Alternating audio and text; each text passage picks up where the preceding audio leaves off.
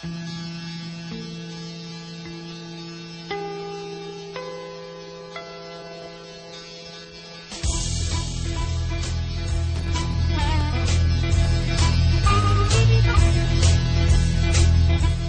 son Xaime, estás en Armónicos nas Ondas, o programa de Radio Filispín de Permacultura, onde falaremos de bioconstrucción, saúde, feng shui, ecoloxía profunda e todo o que é harmónico con nós e o noso entorno.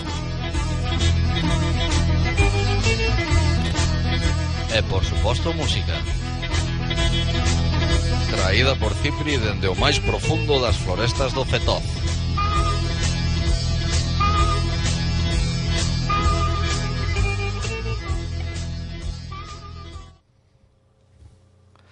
Ola, pois estamos aquí noutro programa de Armónicos nas Ondas. Estamos con María Rodríguez, experta en Feng Shui, Cipri e eu, Xaime. Ola vos Bos días. Bueno, pois vamos comenzar hoxe o programa presentando cunha canción. Eh, vamos falar do novo disco dos Samesugas que por fin, despois daquele inmenso alabai que sacaran no 2006, por fin volven a ter un disco novo. Chámase The Out There Eh, o, pro, o tema que vamos escoitar chamase Exploring Heart.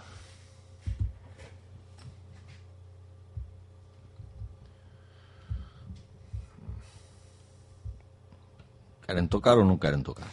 A ver, unha destas será. Música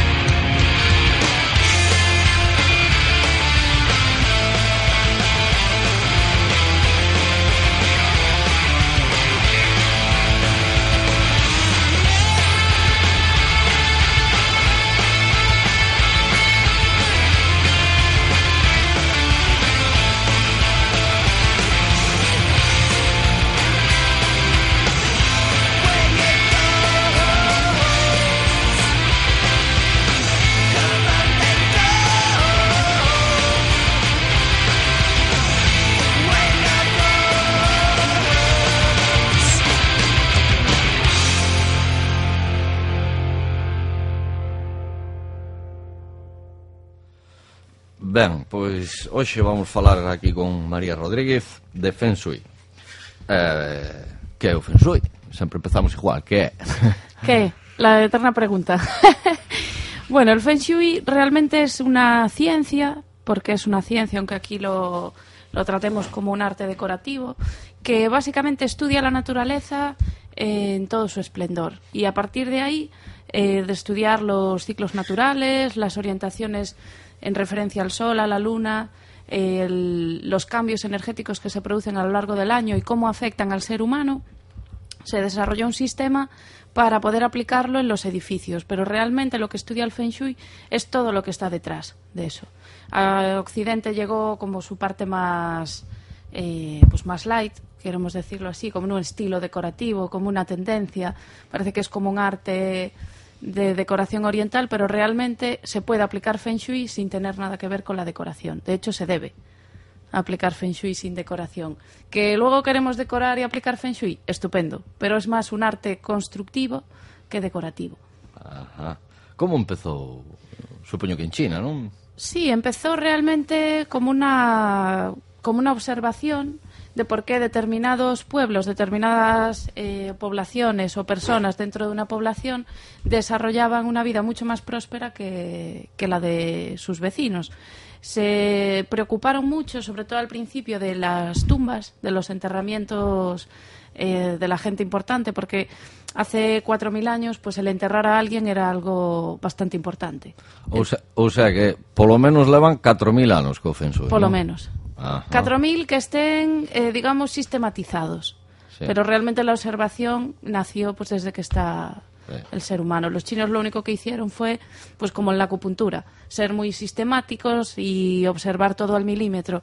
Pero fue un arte que se desarrolló por igual en, en todas las partes del mundo, realmente. Anda, mira. De otra manera, pero, pero hacían feng shui. Xa, xa, xa, xa. Eh, que aplicacións podería ter o Feng Shui?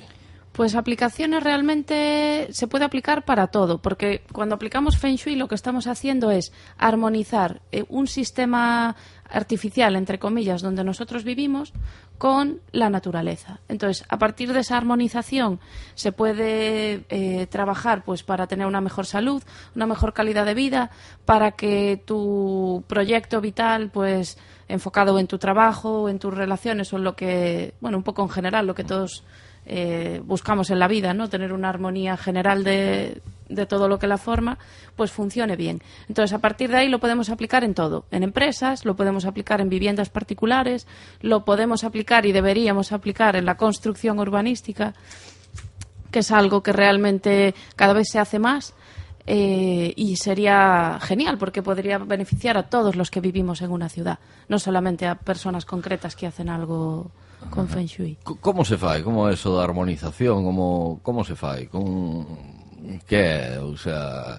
Eh, En que consiste o proceso? sí. En que consiste o ¿En qué proceso? consiste el proceso? Bueno, realmente consiste sobre todo desde un punto de vista intuitivo. Cualquier persona podría aplicar Feng Shui sin tener idea de Feng Shui. ¿Cómo lo haríamos? Pues si tú te vas a comprar una casa, por ejemplo, vas al campo, te gusta una zona, lo primero que tienes que hacer es observar si tiene agua, cómo está orientada en cuanto a cómo le da el sol. Eh, Si yo, por ejemplo, tengo una finca, vamos a imaginar, y tengo que construir una vivienda dentro de esa finca, voy a intentar hacerlo en el lugar pues donde la pendiente de la finca me permita tener una casa bien colocada, donde si hay una riada el agua pues eh, discurra por un lateral de la finca y no afecte tanto a mi vivienda. Lo voy a poner en un sitio donde esté protegido del viento y abierto a los mejores a las mejores vistas, por ejemplo. Y eso es algo que intuitivamente podemos hacer todos, pero que realmente el Feng Shui pues eh, nos ayuda a hacerlo mejor porque es una ciencia que basa, aparte de toda esa intuición personal que todos tenemos, a partir de ahí empezamos a decir, vale, pues orientación, por ejemplo, al sur, porque por mi, por mi clima, pues me interesa captar las mayores horas de sol. Vale, perfecto. Pues vamos a orientarla al sur o hacia el oeste, dependiendo de dónde vivamos. Pues a partir de ahí, ¿en qué grado exacto lo oriento? Ahí es donde entra el Feng Shui. Porque no es lo mismo hacer una orientación a 90 grados este, por ejemplo, que a, que a 102. A nosotros nos puede parecer que es igual, pero si observas en, un- en tu casa, en tu propia vivienda, por dónde sale el sol, por dónde se pone y todo el recorrido que hace, cómo le afecta a mi casa, simplemente con esa observación te darás cuenta de que no es lo mismo tener un grado, tener otro grado.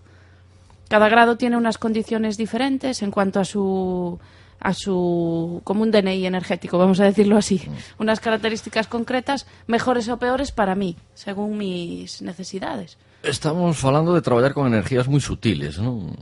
Son sutiles y son a la vez muy visibles. Porque esto es como todo, es como decir, yo para empezar, yo lo de la energía no me lo creo, ¿no? Que decimos, que dice mucha gente en Occidente, eso de la energía suene muy bonito, pero a mí no me lo han enseñado en el cole y yo sé de la IOU, de la ciencia, que eso es lo que me creo. Realmente eh, la energía es también la configuración electromagnética de un cuerpo, si queremos verlo así, porque es lo mismo. Simplemente a en Oriente- vibración que temos somos átomos vibrando, ¿no? Básicamente, somos átomos vibrando desde un punto de vista físico. Eso simplemente en Oriente se le ha dado una consideración más profunda. Han visto que no solamente somos algo físico vibrando, pero también lo somos. Entonces, es esa misma, ese mismo concepto de energía lo que tenemos que aprender a abrir y a meterlo dentro, lo que dices tú, de una energía más sutil, pero sin tirar por tierra tampoco lo anterior, porque también es. Xa, xa, xa, xa, xa. Eh, é complicado facelo, é simple... De... A ver, realmente eh, lo podemos hacer tan complicado como como pues tiempo le hayamos dedicado a estudiarlo. Es decir, un Feng Shui, lo que decía, intuitivo, que cualquiera puede aplicar en su casa, es observar y aplicar la lógica. Si yo voy a construir una casa, abro la puerta, pues no voy a poner un baño, por ejemplo, ¿no? Porque imagínate, tú estás en tu vivienda, ¿qué te apetece tener cuando entras? ¿El salón, la cocina, un espacio abierto o un cuarto de baño? ¿Vale? Entonces ahora pensemos todos los oyentes, ¿cuántos tienen el baño nada más abrir su casa? Pues seguro que muchos. La gran mayoría, posiblemente. Posiblemente. posiblemente sí. sí. Estaba pensando en, en Carl Sagan, me, me, vivo ahora a cabeza, ¿no? Que decía aí en un libro, eh, decía que eh, a naide neste planeta se lle ocurriría poñer a cabeceira da cama contra unha ventá ou contra unha porta, non? Entonces di, en, en China lle chaman Feng Shui, eh, aquí os europeos lle chamamos antropología. Pero é o mismo, non? É chegar ao mismo camiño ou chegar ao mismo punto por diferentes camiños, digo eu, non? Exactamente. É outra maneira de facer as cousas. É de intentar facelas ben, supoño. Exactamente. El Feng Shui lo que te ayuda es aplicar lo que tú, lógicamente, quizás ya sabes, ponerlo todavía eh, el punto, como quien dice, la guinda del pastel. Vale, el Feng Shui lo que hace es ayudarte de una forma más técnica. Con todo lo que ya sabes, le pone palabras, le pone eh, ciencia, porque realmente el Feng Shui es algo que no solamente es intuitivo. Es decir, tú, un asesor de Feng Shui o una persona que sabe de Feng Shui entra en una casa y no hace las cosas solamente por intuición. Utiliza esa parte utiliza, digamos, el cerebro derecho del cerebro, pero utiliza una ciencia con unas fórmulas matemáticas muy, muy determinadas y muy exactas, que es lo que apoya su intuición. La intuición sin razón tampoco sirve de nada. Es el 50% de, de importante. Xa. E en Feng Shui, pois, pues, é exactamente lo mismo. Xa, xa, xa. O sea, que usades fórmulas matemáticas para desarrollar sí, conceptos. Sí. Es, realmente el Feng Shui, eh, a mí me gusta compararlo con la acupuntura porque es lo mismo, pero en el espacio. Es decir, cualquier persona que sepa lo que es la acupuntura o que haya acudido alguna vez a un acupuntor, probablemente no se le ocurriría comprarse un juego de agujas y pincharse en su propia casa. No, ¿No? non creo que seña boa idea. No, yo no he visto ningún libro de acupuntura fácil, pínchese usted mismo. Sin embargo, sí los hay de Feng Shui para la cocina y Feng Shui para la prosperidad. Realmente no hay diferencia. Es la misma ciencia. Lo que pasa que en el espacio, como es algo aparentemente ajeno a mí, me resulta más fácil verlo como más inocuo. Y realmente el Feng Shui es igual de potente que la acupuntura, para bien y para mal.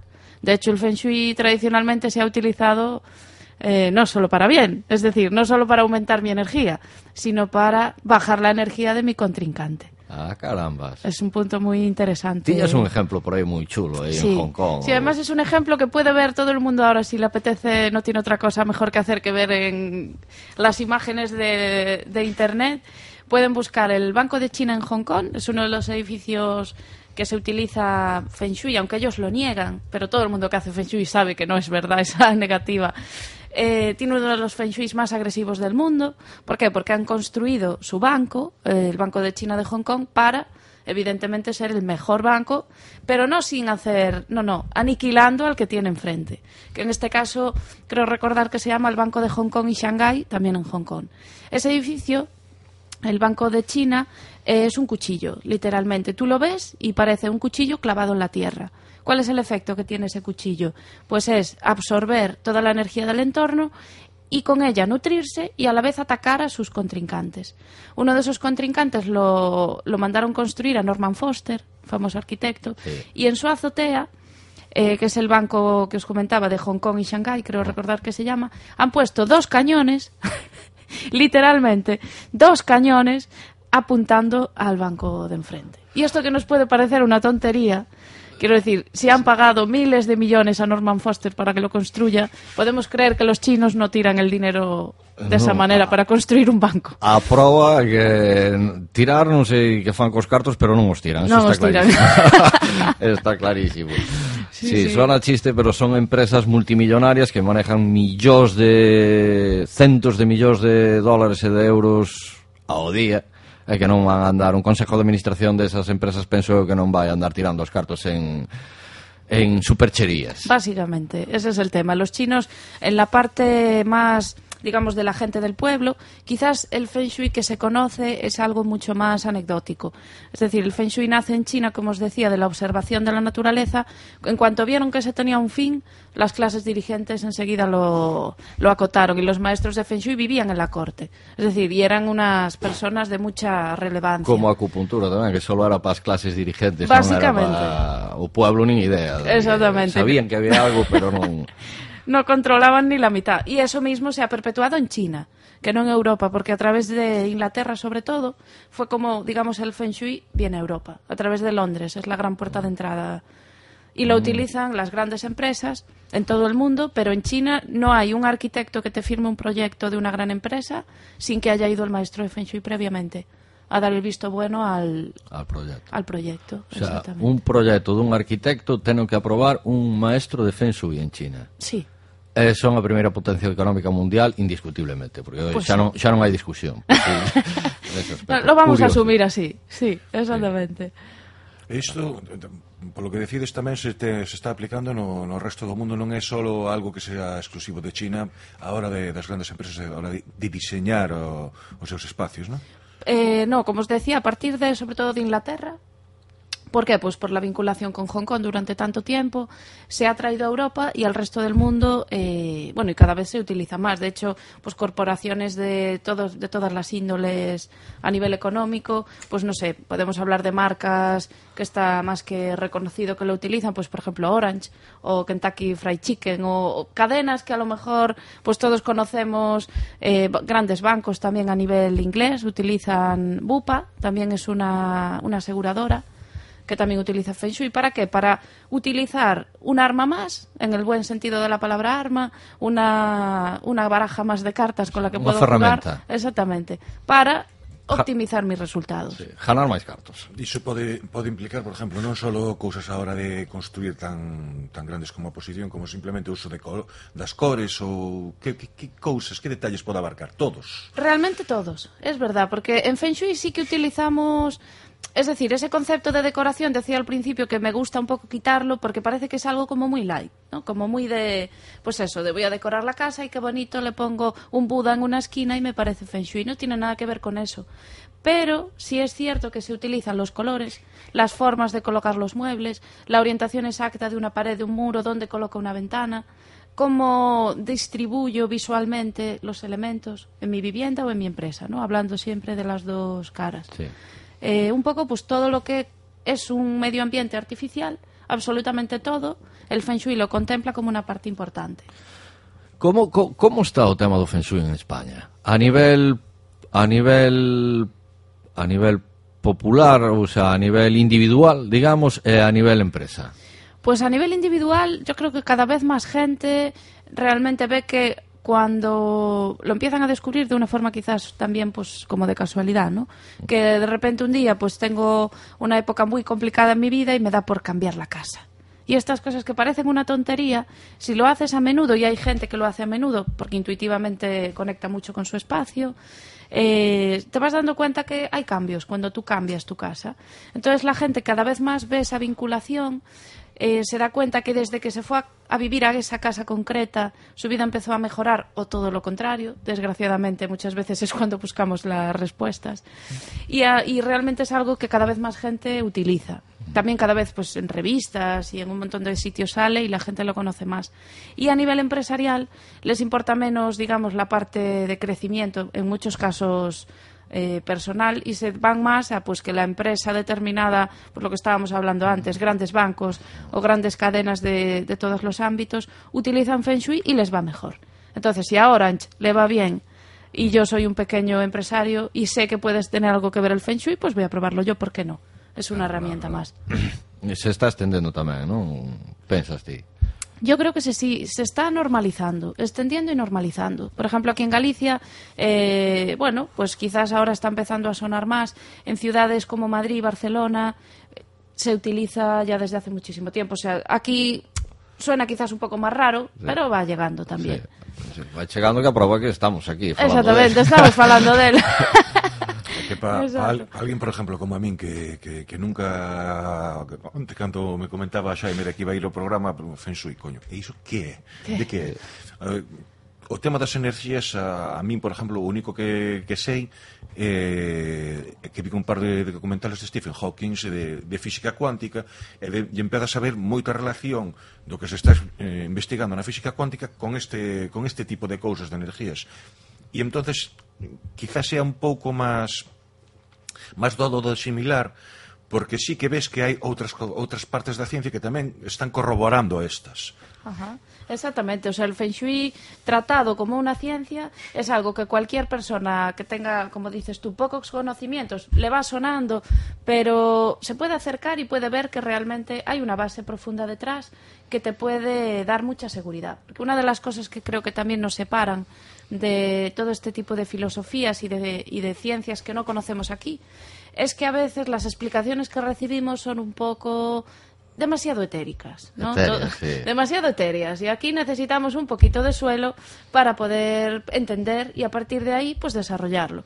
El Feng Shui lo bueno que tiene es que aplicado como ciencia te explica. Ahora, claro, es un poquito complicado quizás ponernos en la parte más matemática, ¿no? Sí. Pues porque se trabaja con conceptos que hay que aprender para luego poder aplicar. Pero realmente si solo nos basásemos, por ejemplo, en la posición del Sol, el Sol tiene una posición determinada a lo largo del año que se puede medir, y de hecho se mide, Sí, y tiene un grado exacto de orientación. Esa misma orientación en mi vivienda, ¿cómo me repercute? Pues porque mi vivienda es un micro reflejo de todo el universo. Entonces, como tal, yo, aunque no soy consciente de eso, porque no lo he tenido nunca en cuenta, me levanto por la mañana y el sol sale y se pone en determinados grados de mi casa que yo estoy totalmente ignorante en el sentido de que no le presto ni caso, ni atención. Pero si me paro a ver, veré que hay plantas que sobreviven y plantas que no, por ejemplo. sí. Qué suerte. Na miña casa non sobrevive ninguna. No sobrevive ninguna. También tiene su Hay que punto de ¿eh? Pode ser eso, pode Importante, ser eso. importante, sí señor.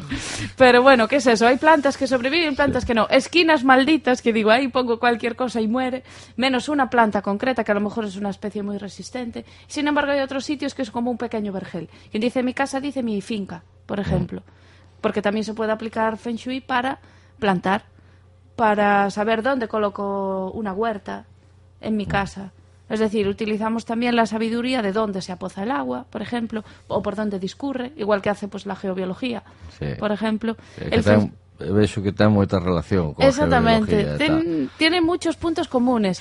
También es cierto que no trabaja con las mismas herramientas. La geobiología es más nuestra, entonces tiene sí. más aparatos de medición electromagnética, por ejemplo. Sí. Entonces, como nos da ciento no sé cuánto, lo vemos más claro. Bueno, aí, bueno, non vamos a entrar, pero eu prefiro o sistema de sempre das varillas e os péndulos e tal que os aparatos electrónicos de medición que son máis inexactos. Ajá, así? Que, sí, sí, parece ser que sí. Que ainda somos nós millores que un aparato electrónico. Moi bien, ainda...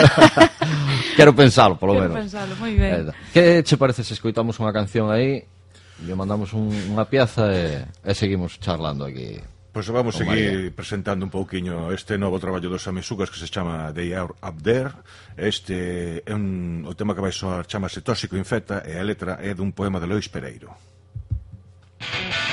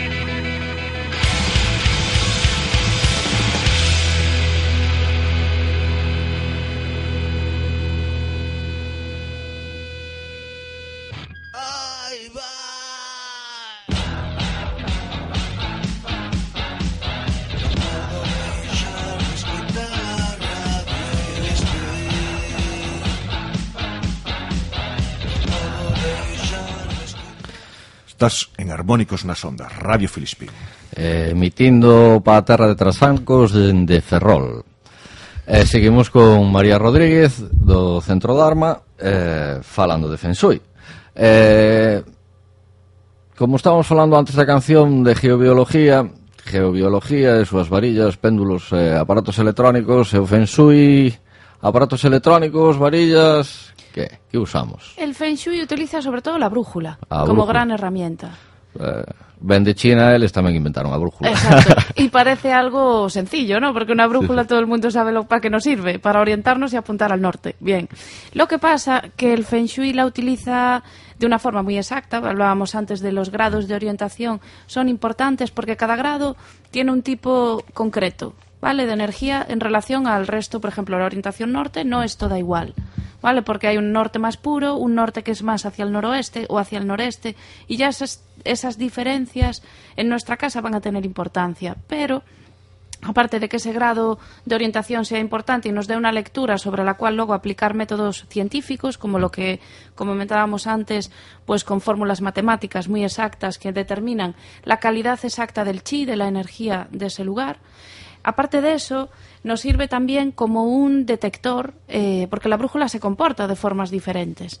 Según, por ejemplo, si hay un campo electromagnético donde se genera un, pues un, digamos, una atracción de la brújula, para empezar, pues se nos da la brújula a la vuelta completamente y nos marca de repente 180 grados eh, hacia, imagínate, estamos midiendo... Hacia oeste, por ejemplo, ¿no? Y nos decir- cambiamos de baldosa, ¿no? Dentro Sí. de mi habitación y de repente se me cambia la brújula a 180 grados. Ostras, aquí hay un campo eléctrico, evidentemente, ¿no? Sí, o electromagnético. Hay unha distorsión. Exactamente. Eso es como lo más visible, que además suele pasar ahora mucho en las casas por los wifis y por un montón de contaminación a nivel sutil que, que realmente está afectando nuestra salud.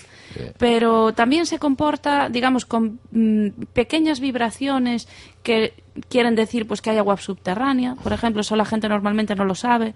En comparación a la geobiología, la geobiología utiliza las varillas para ver esto.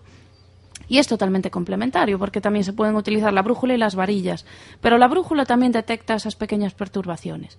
Normalmente la gente que sabe de, biolo- de geobiología y, y la utiliza, eh, cuando le dices que hace Feng Shui, normalmente suelen pensar que la geobiología es más exacta. ¿vale? Esta es mi pequeña experiencia, lo comparto. Habrá quien piense que no o que las utilice al 50%.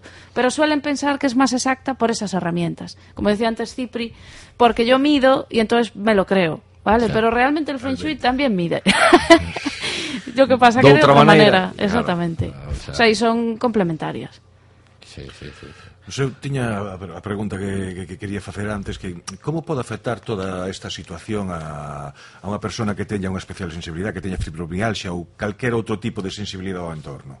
Eh, vamos a ver, una de las principales aplicaciones que tiene el Feng Shui, o que la gente, como me preguntabais antes, por qué se acerca ¿no? a, a conocer, Quizás es la salud, porque aparte de que hay dos partes, ¿no? Aquí, por una parte a nivel general, ¿vale?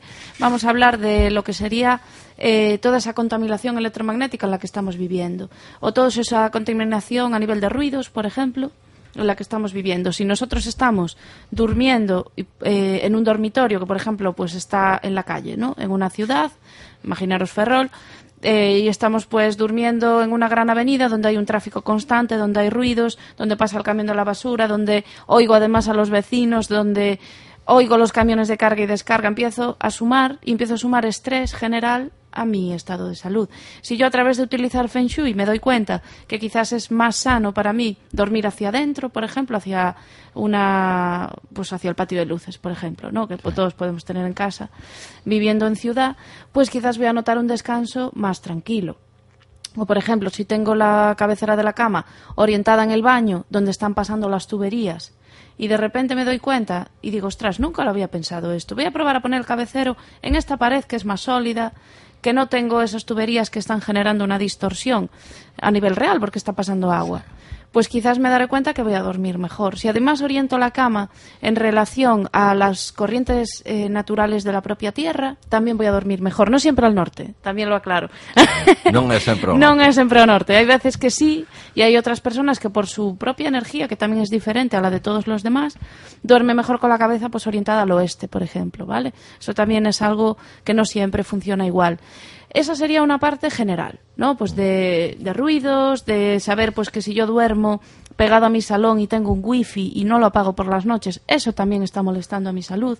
La gente que está con fibro- fibromialgia, por ejemplo, como decía Cipri, normalmente también tiene mucha sensibilidad a todos estos campos que estamos hablando. Entonces, es por una parte aprender a sanear la vivienda desde un punto de vista lógico, ¿no? Pues apagar el móvil, que parece una tontería, pero no duermas con el móvil encendido en tu mesilla de noche, por ejemplo, eso también es feng shui, ¿vale? Y esa sería esa parte que todos podemos hacer sin tener idea, ¿vale? Porque el feng shui también se debe de intentar transmitir, o esa es mi opinión, también de una manera que la gente común podamos utilizarlo sin necesidad de tener que recurrir a alguien que sepa, que si luego queremos recurrir, genial, pero que un poco aprendamos la lógica para ser autosuficientes, esa es mi, O que mi idea. o me, me dá a impresión de que sí. unha das cousas nas que máis se basa o Feng Shui e que máis afectan a calquer cousa é donde pasan as correntes de auga, ¿no? Eh, también, o sea, es una parte que se basa, no es la, la, la única, ¿vale? Pero también es súper importante, porque las corrientes de agua generan perturbaciones a nivel de electromagnéticas también, ¿vale? Quiero decir, eh, tuberías, eh, corrientes subterráneas, sí. cosas que, bueno... Tuberías de gas, eh, se agua, eh, resulta que son aguas fecales, eh, é moito máis eh, problemático, son cousas que ahora se empezan a estudiar aquí en Occidente, Eh, perdona que che corte. No, no, no, dale, dale. Se están empezando a estudiar ahora en Occidente, pero que isto, como os chinos ou outros aquí en Occidente había xente que sabía bastante diso, pero tiña ben caladiño tamén, non vou dicir quen. non o merecen. eh, eh, tal, e eh, agora polo menos está empezando a chegar a, ao pueblo, a xente que se pode interesar, pois empeza a ver eh, por onde tirar, non? Penso eu. Foi un pequeno inciso que fixen, eu, pero bueno. Sí, nada, pero muy bien dicho, porque realmente también el Feng Shui nos retoma o nos envía a China, ¿no? A la China de hace 5.000 años, que fue cuando surgió. Pero no hay que olvidar que aquí también se utiliza Feng Shui de otra manera, con otras sí. herramientas. Eh, maestros canteros de muy distinta sí. índole. Como ben sabe Xaime. Sí, as catedrales, sí, iglesias, sí, sí, sí. máis ben, de máis de 300 anos, penso eu, sí, non? Sí, sí, Por aí e tal, pois sí, sabían moito, moito, sí. teñan unha tecnología moi avanzada para o que... Tenemos eso... un gran ejemplo en Santiago, sí, sin sí, ir más lejos. Sí. Pero no solo, tampoco en grandes catedrales, en pequeñas iglesias, monasterios y todo lo demás. O de quitar as pedras da canteira e volvelas colocar co, coas vetas todas seguidas na mesma orientación que na canteira, ten, ten bastante... O sea, vai a casualidade. Sí, qué casualidad. Son de estas cosas que dices tú. farías? Lo habrán puesto sin querer, pero qué bien lo han hecho. E a empresa leva traballando 2000 anos. Claro, claro. Por eso aquí también se ha mantenido como un arma de poder. Sí. y ahora, como todo, está mucho más abierto y llega a nosotros. ¿no? Pero hay otra gran, otra gran baza en relación a la salud que no quería perder, que nos ha hecho Cipri de gran pregunta, que es el cómo, aparte de toda esta parte lógica, ¿vale? De pues, campos eléctricos, las aguas, ¿vale? Eh, ¿Cómo aparece en mi casa reflejado mi salud? Eso es una pregunta que normalmente la gente no termina de entender. Si yo tengo un problema de riñón, ¿cómo está en mi casa representado? O sea, que alguien me explique cómo mis riñones aparecen ahí, ¿no?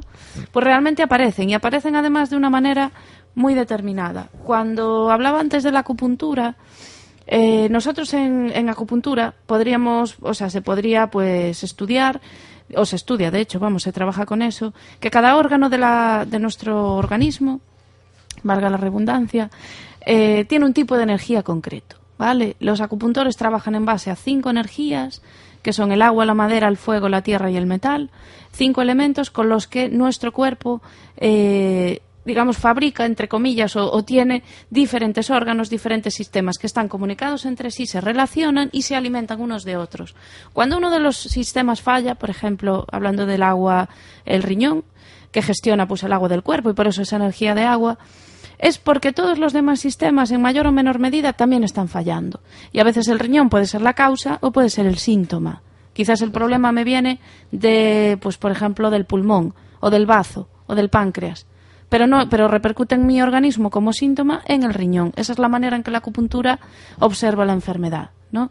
no lo ve como la tradición que tenemos aquí de medicina, donde si yo tengo un riñón que está estropeado, que me lo quiten y me pongan otro. No, es que señor, igual el problema lo tiene usted en el pulmón. Entonces vamos a empezar. Se tende a tratar os síntomas. Claro, exactamente. Entonces, en Os Feng médicos que nos esteñan escoitando ellos rechinarán os dentes, Sí, sí, pero sí. bueno. Pero os voy a contar un caso, eh, con un pequeño inciso bastante interesante en cuanto a la medicina tradicional, que sin darse cuenta se, se encuentra con los mismos casos que la acupuntura, pero lo que pasa es que no lo sabe.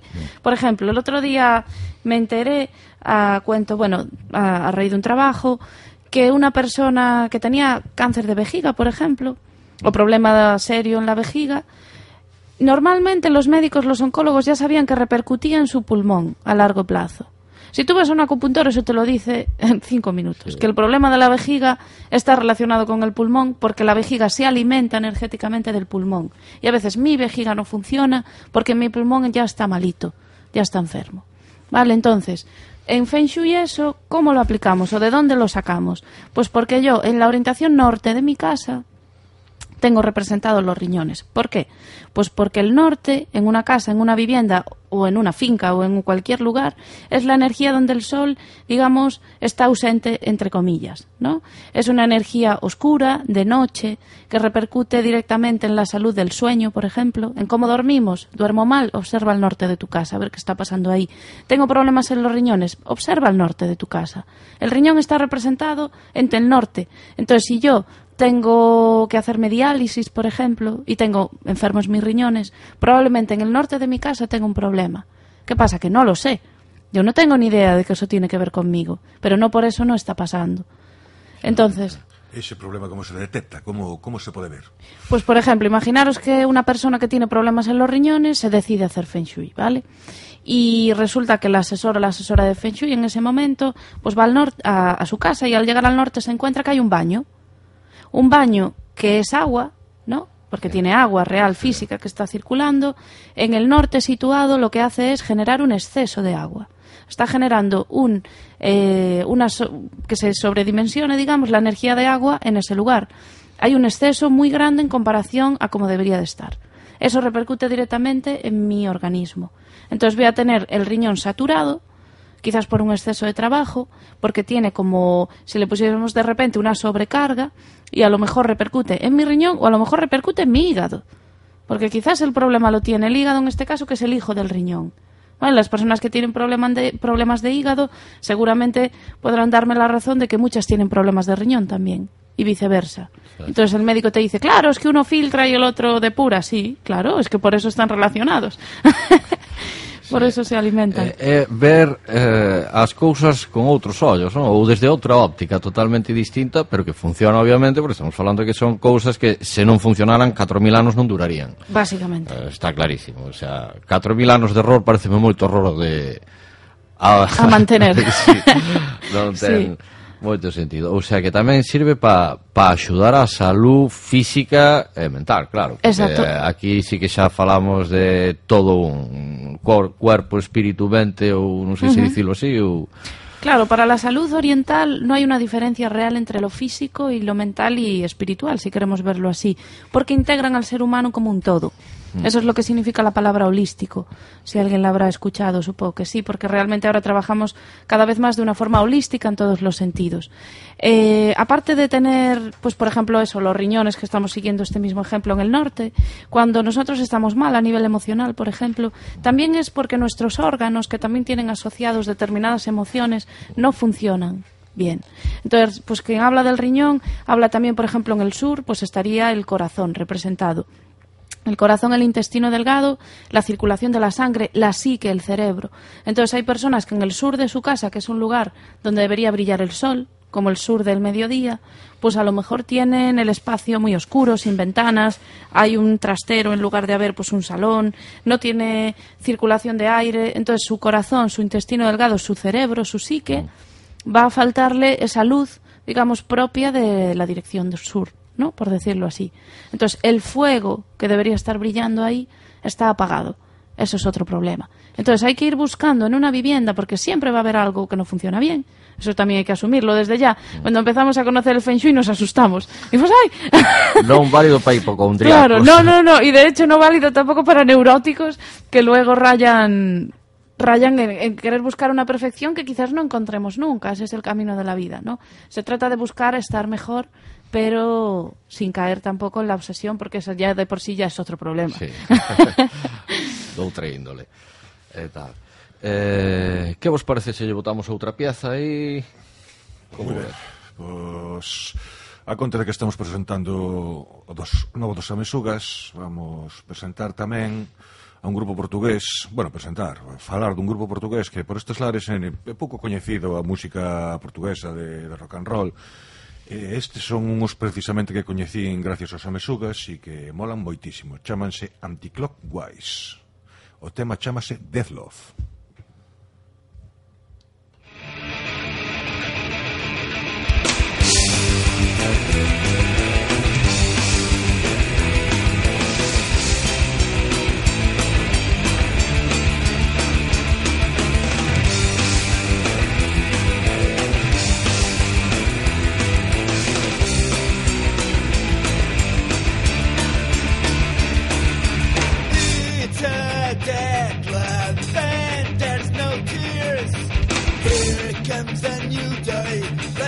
never.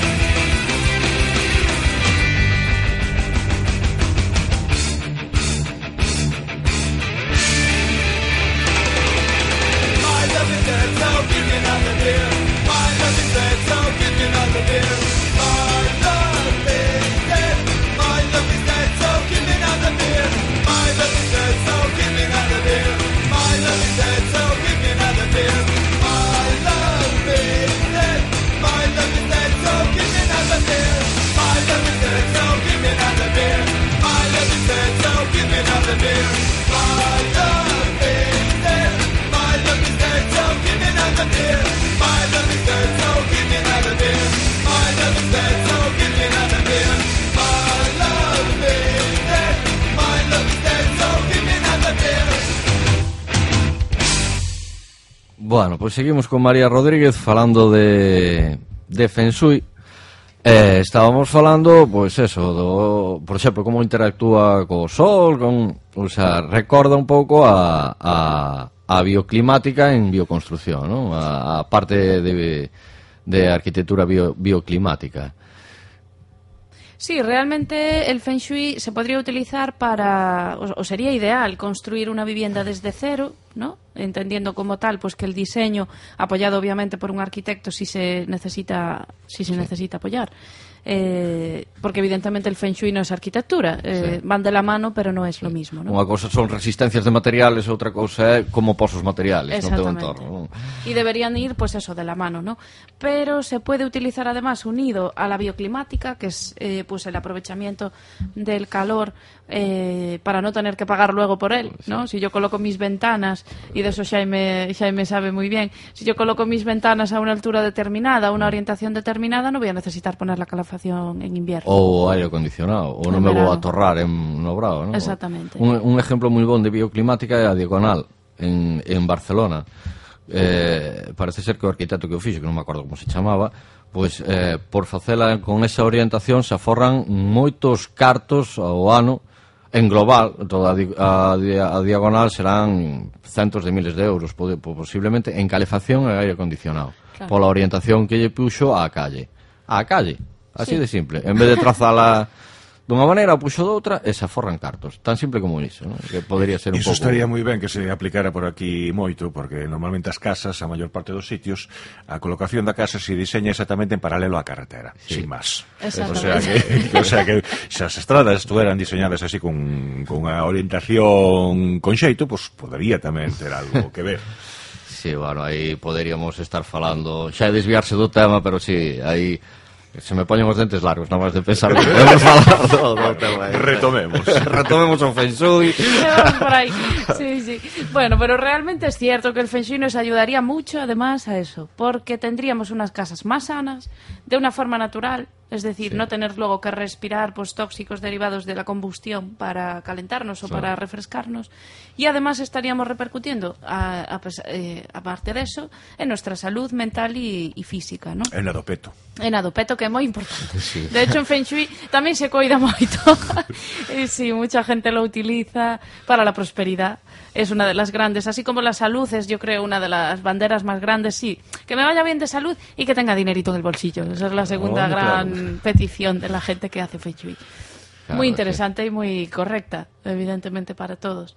Pero sobre todo desde un punto de vista estatal, que sería también muy interesante comentarlo, sería genial que realmente se abriese un poquito la mente en ese sentido y utilizásemos Feng Shui para construir carreteras, para construir plazas, para construir hospitales, escuelas, donde los niños tuviesen pues una calidad buena de hábitat para poder desarrollar su, Eh, su actividad mental y, vital, vou, su vou facer crecimiento. un inciso ahora que falas das escolas eh, o Feng Shui, claro, vou falar de geobiología que o conozco millor en aquí, pois para moita xente, bueno, eso nada andrómenas. En Alemania, outro país bastante potente, creo, tecnológicamente e económicamente, nas escolas, moitos profesores lles ensinan a manejar as varillas ou o péndulo aos cativos, a cativos pequenos de 6, 7 anos, que ademais, ou máis pequenos incluso, que o pillan ao momento, claro, unha esponxa, para elegir o sitio onde se sentan na aula, para que non seña un sitio negativo E entonces, eh, se non poden ou sea, se teñen que usar ese sitio, o sea, pois non hai sitio físico para poñer o cativo no outro lado. Neses sitios os están rotando continuamente, Joga. que, que esteñan pouco tempo. Uh -huh. eh, eh, hai os estudios feitos de as aulas onde aplican este sistema e as aulas onde non o aplican, o fracaso escolar é menor. Claro. Eso é estadística. Dos y dos sí, son sí. cuatro. Eso es lo entonces, que hai. Eh, entonces, eh, se estamos falando que o Fensui eh, é outra maneira de facer as cousas como, como é a, a, a geobiología, pois, obviamente, pois sí, non? A aplicalo a nivel global, a aplicalo a nivel personal, a aplicalo a moitos niveles. Uh -huh. eh, poderíamos eso, aforrar cartos e ter niveles millores de vida, penso eu, non? Sí, además con respecto a los colegios, yo creo que también es interesante comentar una cosa. Se podrían hacer lugares sanos, como dice Jaime, para que los niños realmente aprendan, estudien y se encuentren bien en todos los sentidos. Aquí de una forma, yo creo que esto es más intuitivo que hecho a propósito, o quiero pensarlo así, porque todavía confío un poco en la raza humana, pero por lo que yo he observado en colegios donde además, pues en algún caso sí he, sí he realizado algún estudio, pues por, por la directora, sin comentarlo evidentemente a la administración, pero la directora sin me ha llamado. Esto que, no, que nadie lo sepa. Claro, esto claro. falamos aquí No, sin que se entere nadie. es una cosa privada que no escuchamos nadie. Pero se utilizan los colegios como sitios donde los niños están controlados a nivel de, pues, de autoridad, por decirlo así, que no estimulados. Y yo estoy hablando desde el punto de vista de la construcción. Ya desde otros puntos de vista también daría mucho para hablar. Pero desde el punto de vista de la construcción, muchos colegios de una época determinada construidos quizás pues en los años 60, 70, que todavía evidentemente permanecen por ahí Sí, en, en pie, son para controlar a los niños, controlar en el mal sentido, me refiero, ¿no? Controlar desde un punto de vista pues de recortar su impulso de niño, ¿no? Pero sin estimularlo adecuadamente. Y el Feng Shui podría utilizarse, por ejemplo, para la educación para que los niños, como han hecho en Alemania con geobiología, tengan unos pupitres que están aprovechando realmente para poder estar bien. Porque a veces un niño no se sienta en su pupitre o en su casa a estudiar porque no soporta la mesa. Y eso es algo que los padres no saben. O sitio onde está a mesa, e a mesa en sí, eh, Los sí. niños son extremadamente sensibles a todo este tipo de cosas. O sea, mucho más que un adulto. Entonces, tú tienes a un niño en tu casa, ¿no? Y le quieres decir que se ponga a estudiar, porque es, digamos, su labor, entre comillas, según a ti te parece. Bueno, le colocas la mesa contra la pared. Que tenemos muchos casos. Seguramente los oyentes estarán pensando, así la tiene mi hijo y saca todo ceros. le pones la mesa contra la pared y le pones la espalda desprotegida de la puerta y el niño está tan incómodo que le es imposible sentarse a estudiar. Y de hecho se va a sentar a estudiar a lo mejor en la mesa de la cocina. ¿Cómo? Con la espalda contra la pared y con la vista despejada hacia adelante. Entonces deberíamos colocar las mesas de los niños o de los adultos, de cualquier persona que estudia o trabaja, como se colocan, digamos, en los despachos profesionales, por ejemplo, imaginaros que vais pues a, no sé, a, a cualquier despacho. ¿Y qué os encontráis? Pues que la persona tiene de espaldas una pared y yo me siento por la parte delantera de la mesa. Es decir, que por la parte delantera de la mesa no hay una pared, hay un espacio libre donde se puede descansar la vista o donde se puede estar de una forma cómoda. Cámbiale la orientación de la, de la mesa a tu hijo, ponle la espalda protegida y que pueda controlar la puerta desde su lugar y veréis cómo empieza a estudiar. vai mellorar. Algo tan simple, Algo tan simple. está comprobado. Está comprobado. Es verdad que hay veces que no se puede, pero a veces los motivos es porque se ven los cables del ordenador. Entonces tenemos que pensar qué me importa más, que se vea un cable colgando detrás de la mesa Sí. o que el niño realmente se ponga Sí. se ponga a estudiar y haga las cosas mejor para luego tener más tiempo libre para jugar y para estar más contento. Sí, sí, moi interesante. Bueno, pois son as 11.50 da mañá Estamos en Harmónicos nas Ondas Eh, sabede que este programa se repite o lunes ás 10 da noite e o viernes de, de madrugada.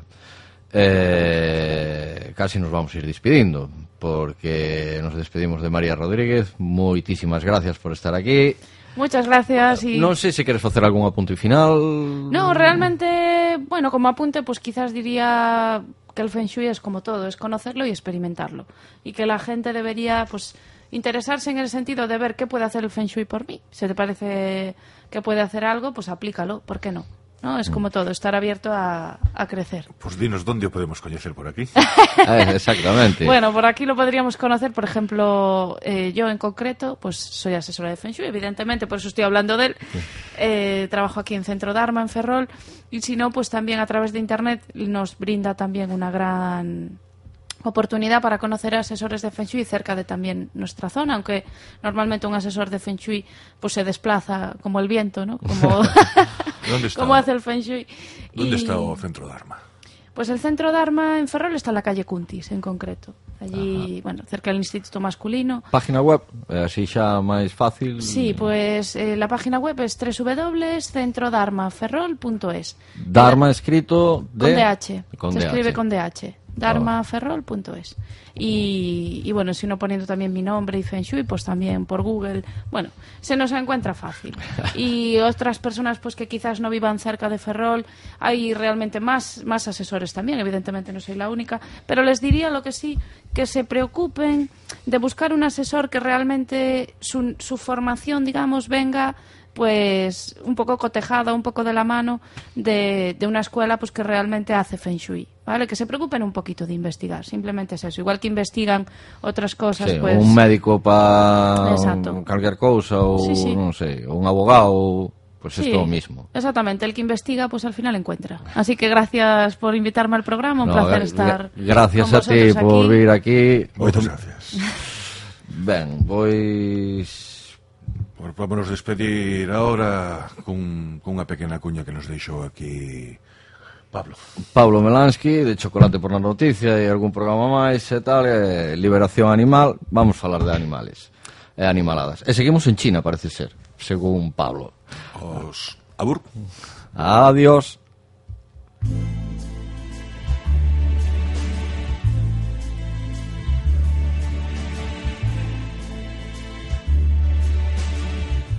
Hola Jaime. En nuestro espacio de maltrato animal vamos a contar una de las historias quizás más conocidas, pero no por ello menos dramática, las granjas de bilis. En la medicina tradicional china, desde hace 3.000 años, uno de los artículos más preciados es la bilis de oso, que curaría desde impotencia sexual, cáncer, enfermedades hepáticas, dolor de ojos, hasta resaca. Y para ello, los osos son confinados y encarcelados en granjas, donde permanecen años encerrados en pequeñas jaulas, recibiendo un cruel tratamiento y en condiciones sanitarias ínfimas.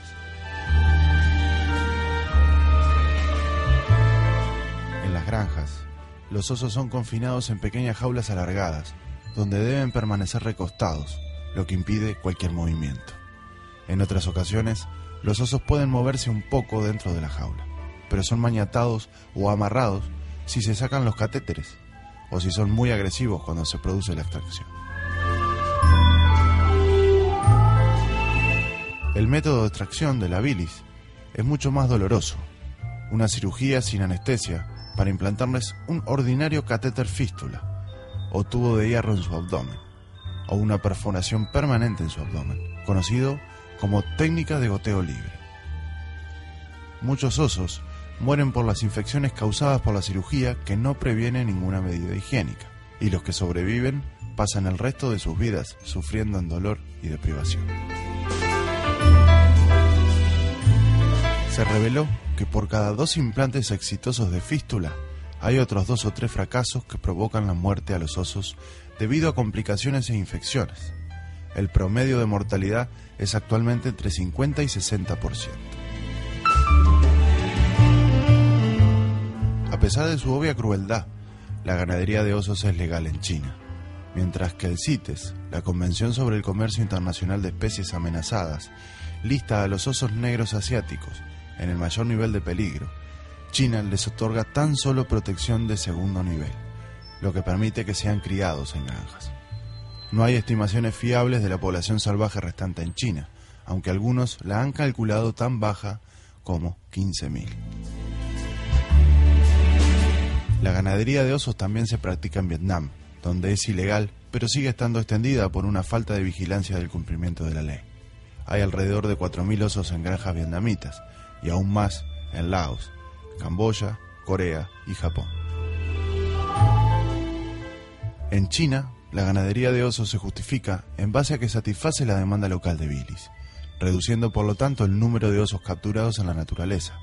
A las granjas se les permite criar osos en cautividad y cazar osos salvajes ha sido ilegal desde 1989.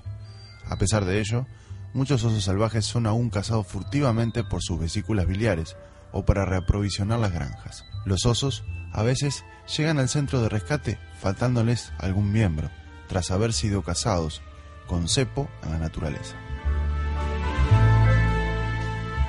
Muchos de estos osos, que viven en desesperada situación de estrés, soledad, dolor y enfermedad, comienzan a golpearse contra los barrotes, quedando con pelones, traumas y cicatrices permanentes.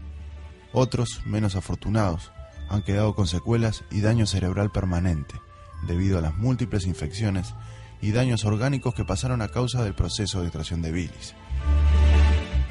De las ocho especies de osos que existen, todas excepto el panda gigante, han visto sus ejemplares reducidos a causa del comercio de la bilis. El oso negro asiático ha sido el más afectado por este cruel comercio. Se le conoce popularmente como oso luna, por una mancha característica de color claro en el pecho, que asemeja una luna en cuarto creciente. Este ejemplar está protegido por el CITES como un ejemplar en estado crítico. Muchos médicos facultativos chinos enfatizan que todos los productos de bilis de oso se pueden sustituir fácilmente por hierbas o alternativas sintéticas, que son más baratas, más disponibles e igual de eficaces. La obtención de polvo seco de bilis es de aproximadamente 2 kilos por oso y por año de media. Antes de que las granjas de oso empezaran a producir bilis en grandes cantidades, la demanda doméstica era solo de 500 kilos anuales. Hoy ha aumentado dramáticamente a 4.000 kilos y la obtención de polvo de bilis seco era aproximadamente de 7 toneladas anuales en 1994 hasta 1998. Bueno, Jaime, creo que le pudimos dar una gran pincelada a este gran problema que es el de las granjas de bilis de la medicina tradicional china, en países como China, Vietnam, Japón, Corea, Camboya. Así que bueno, eh, invito a todos los oyentes de Armónicos Nas Ondas a no sentirse ni un poquito tentado a la medicina tradicional china, porque no son solo los osos las víctimas de esta medicina milenaria. Así que hasta la semana que viene.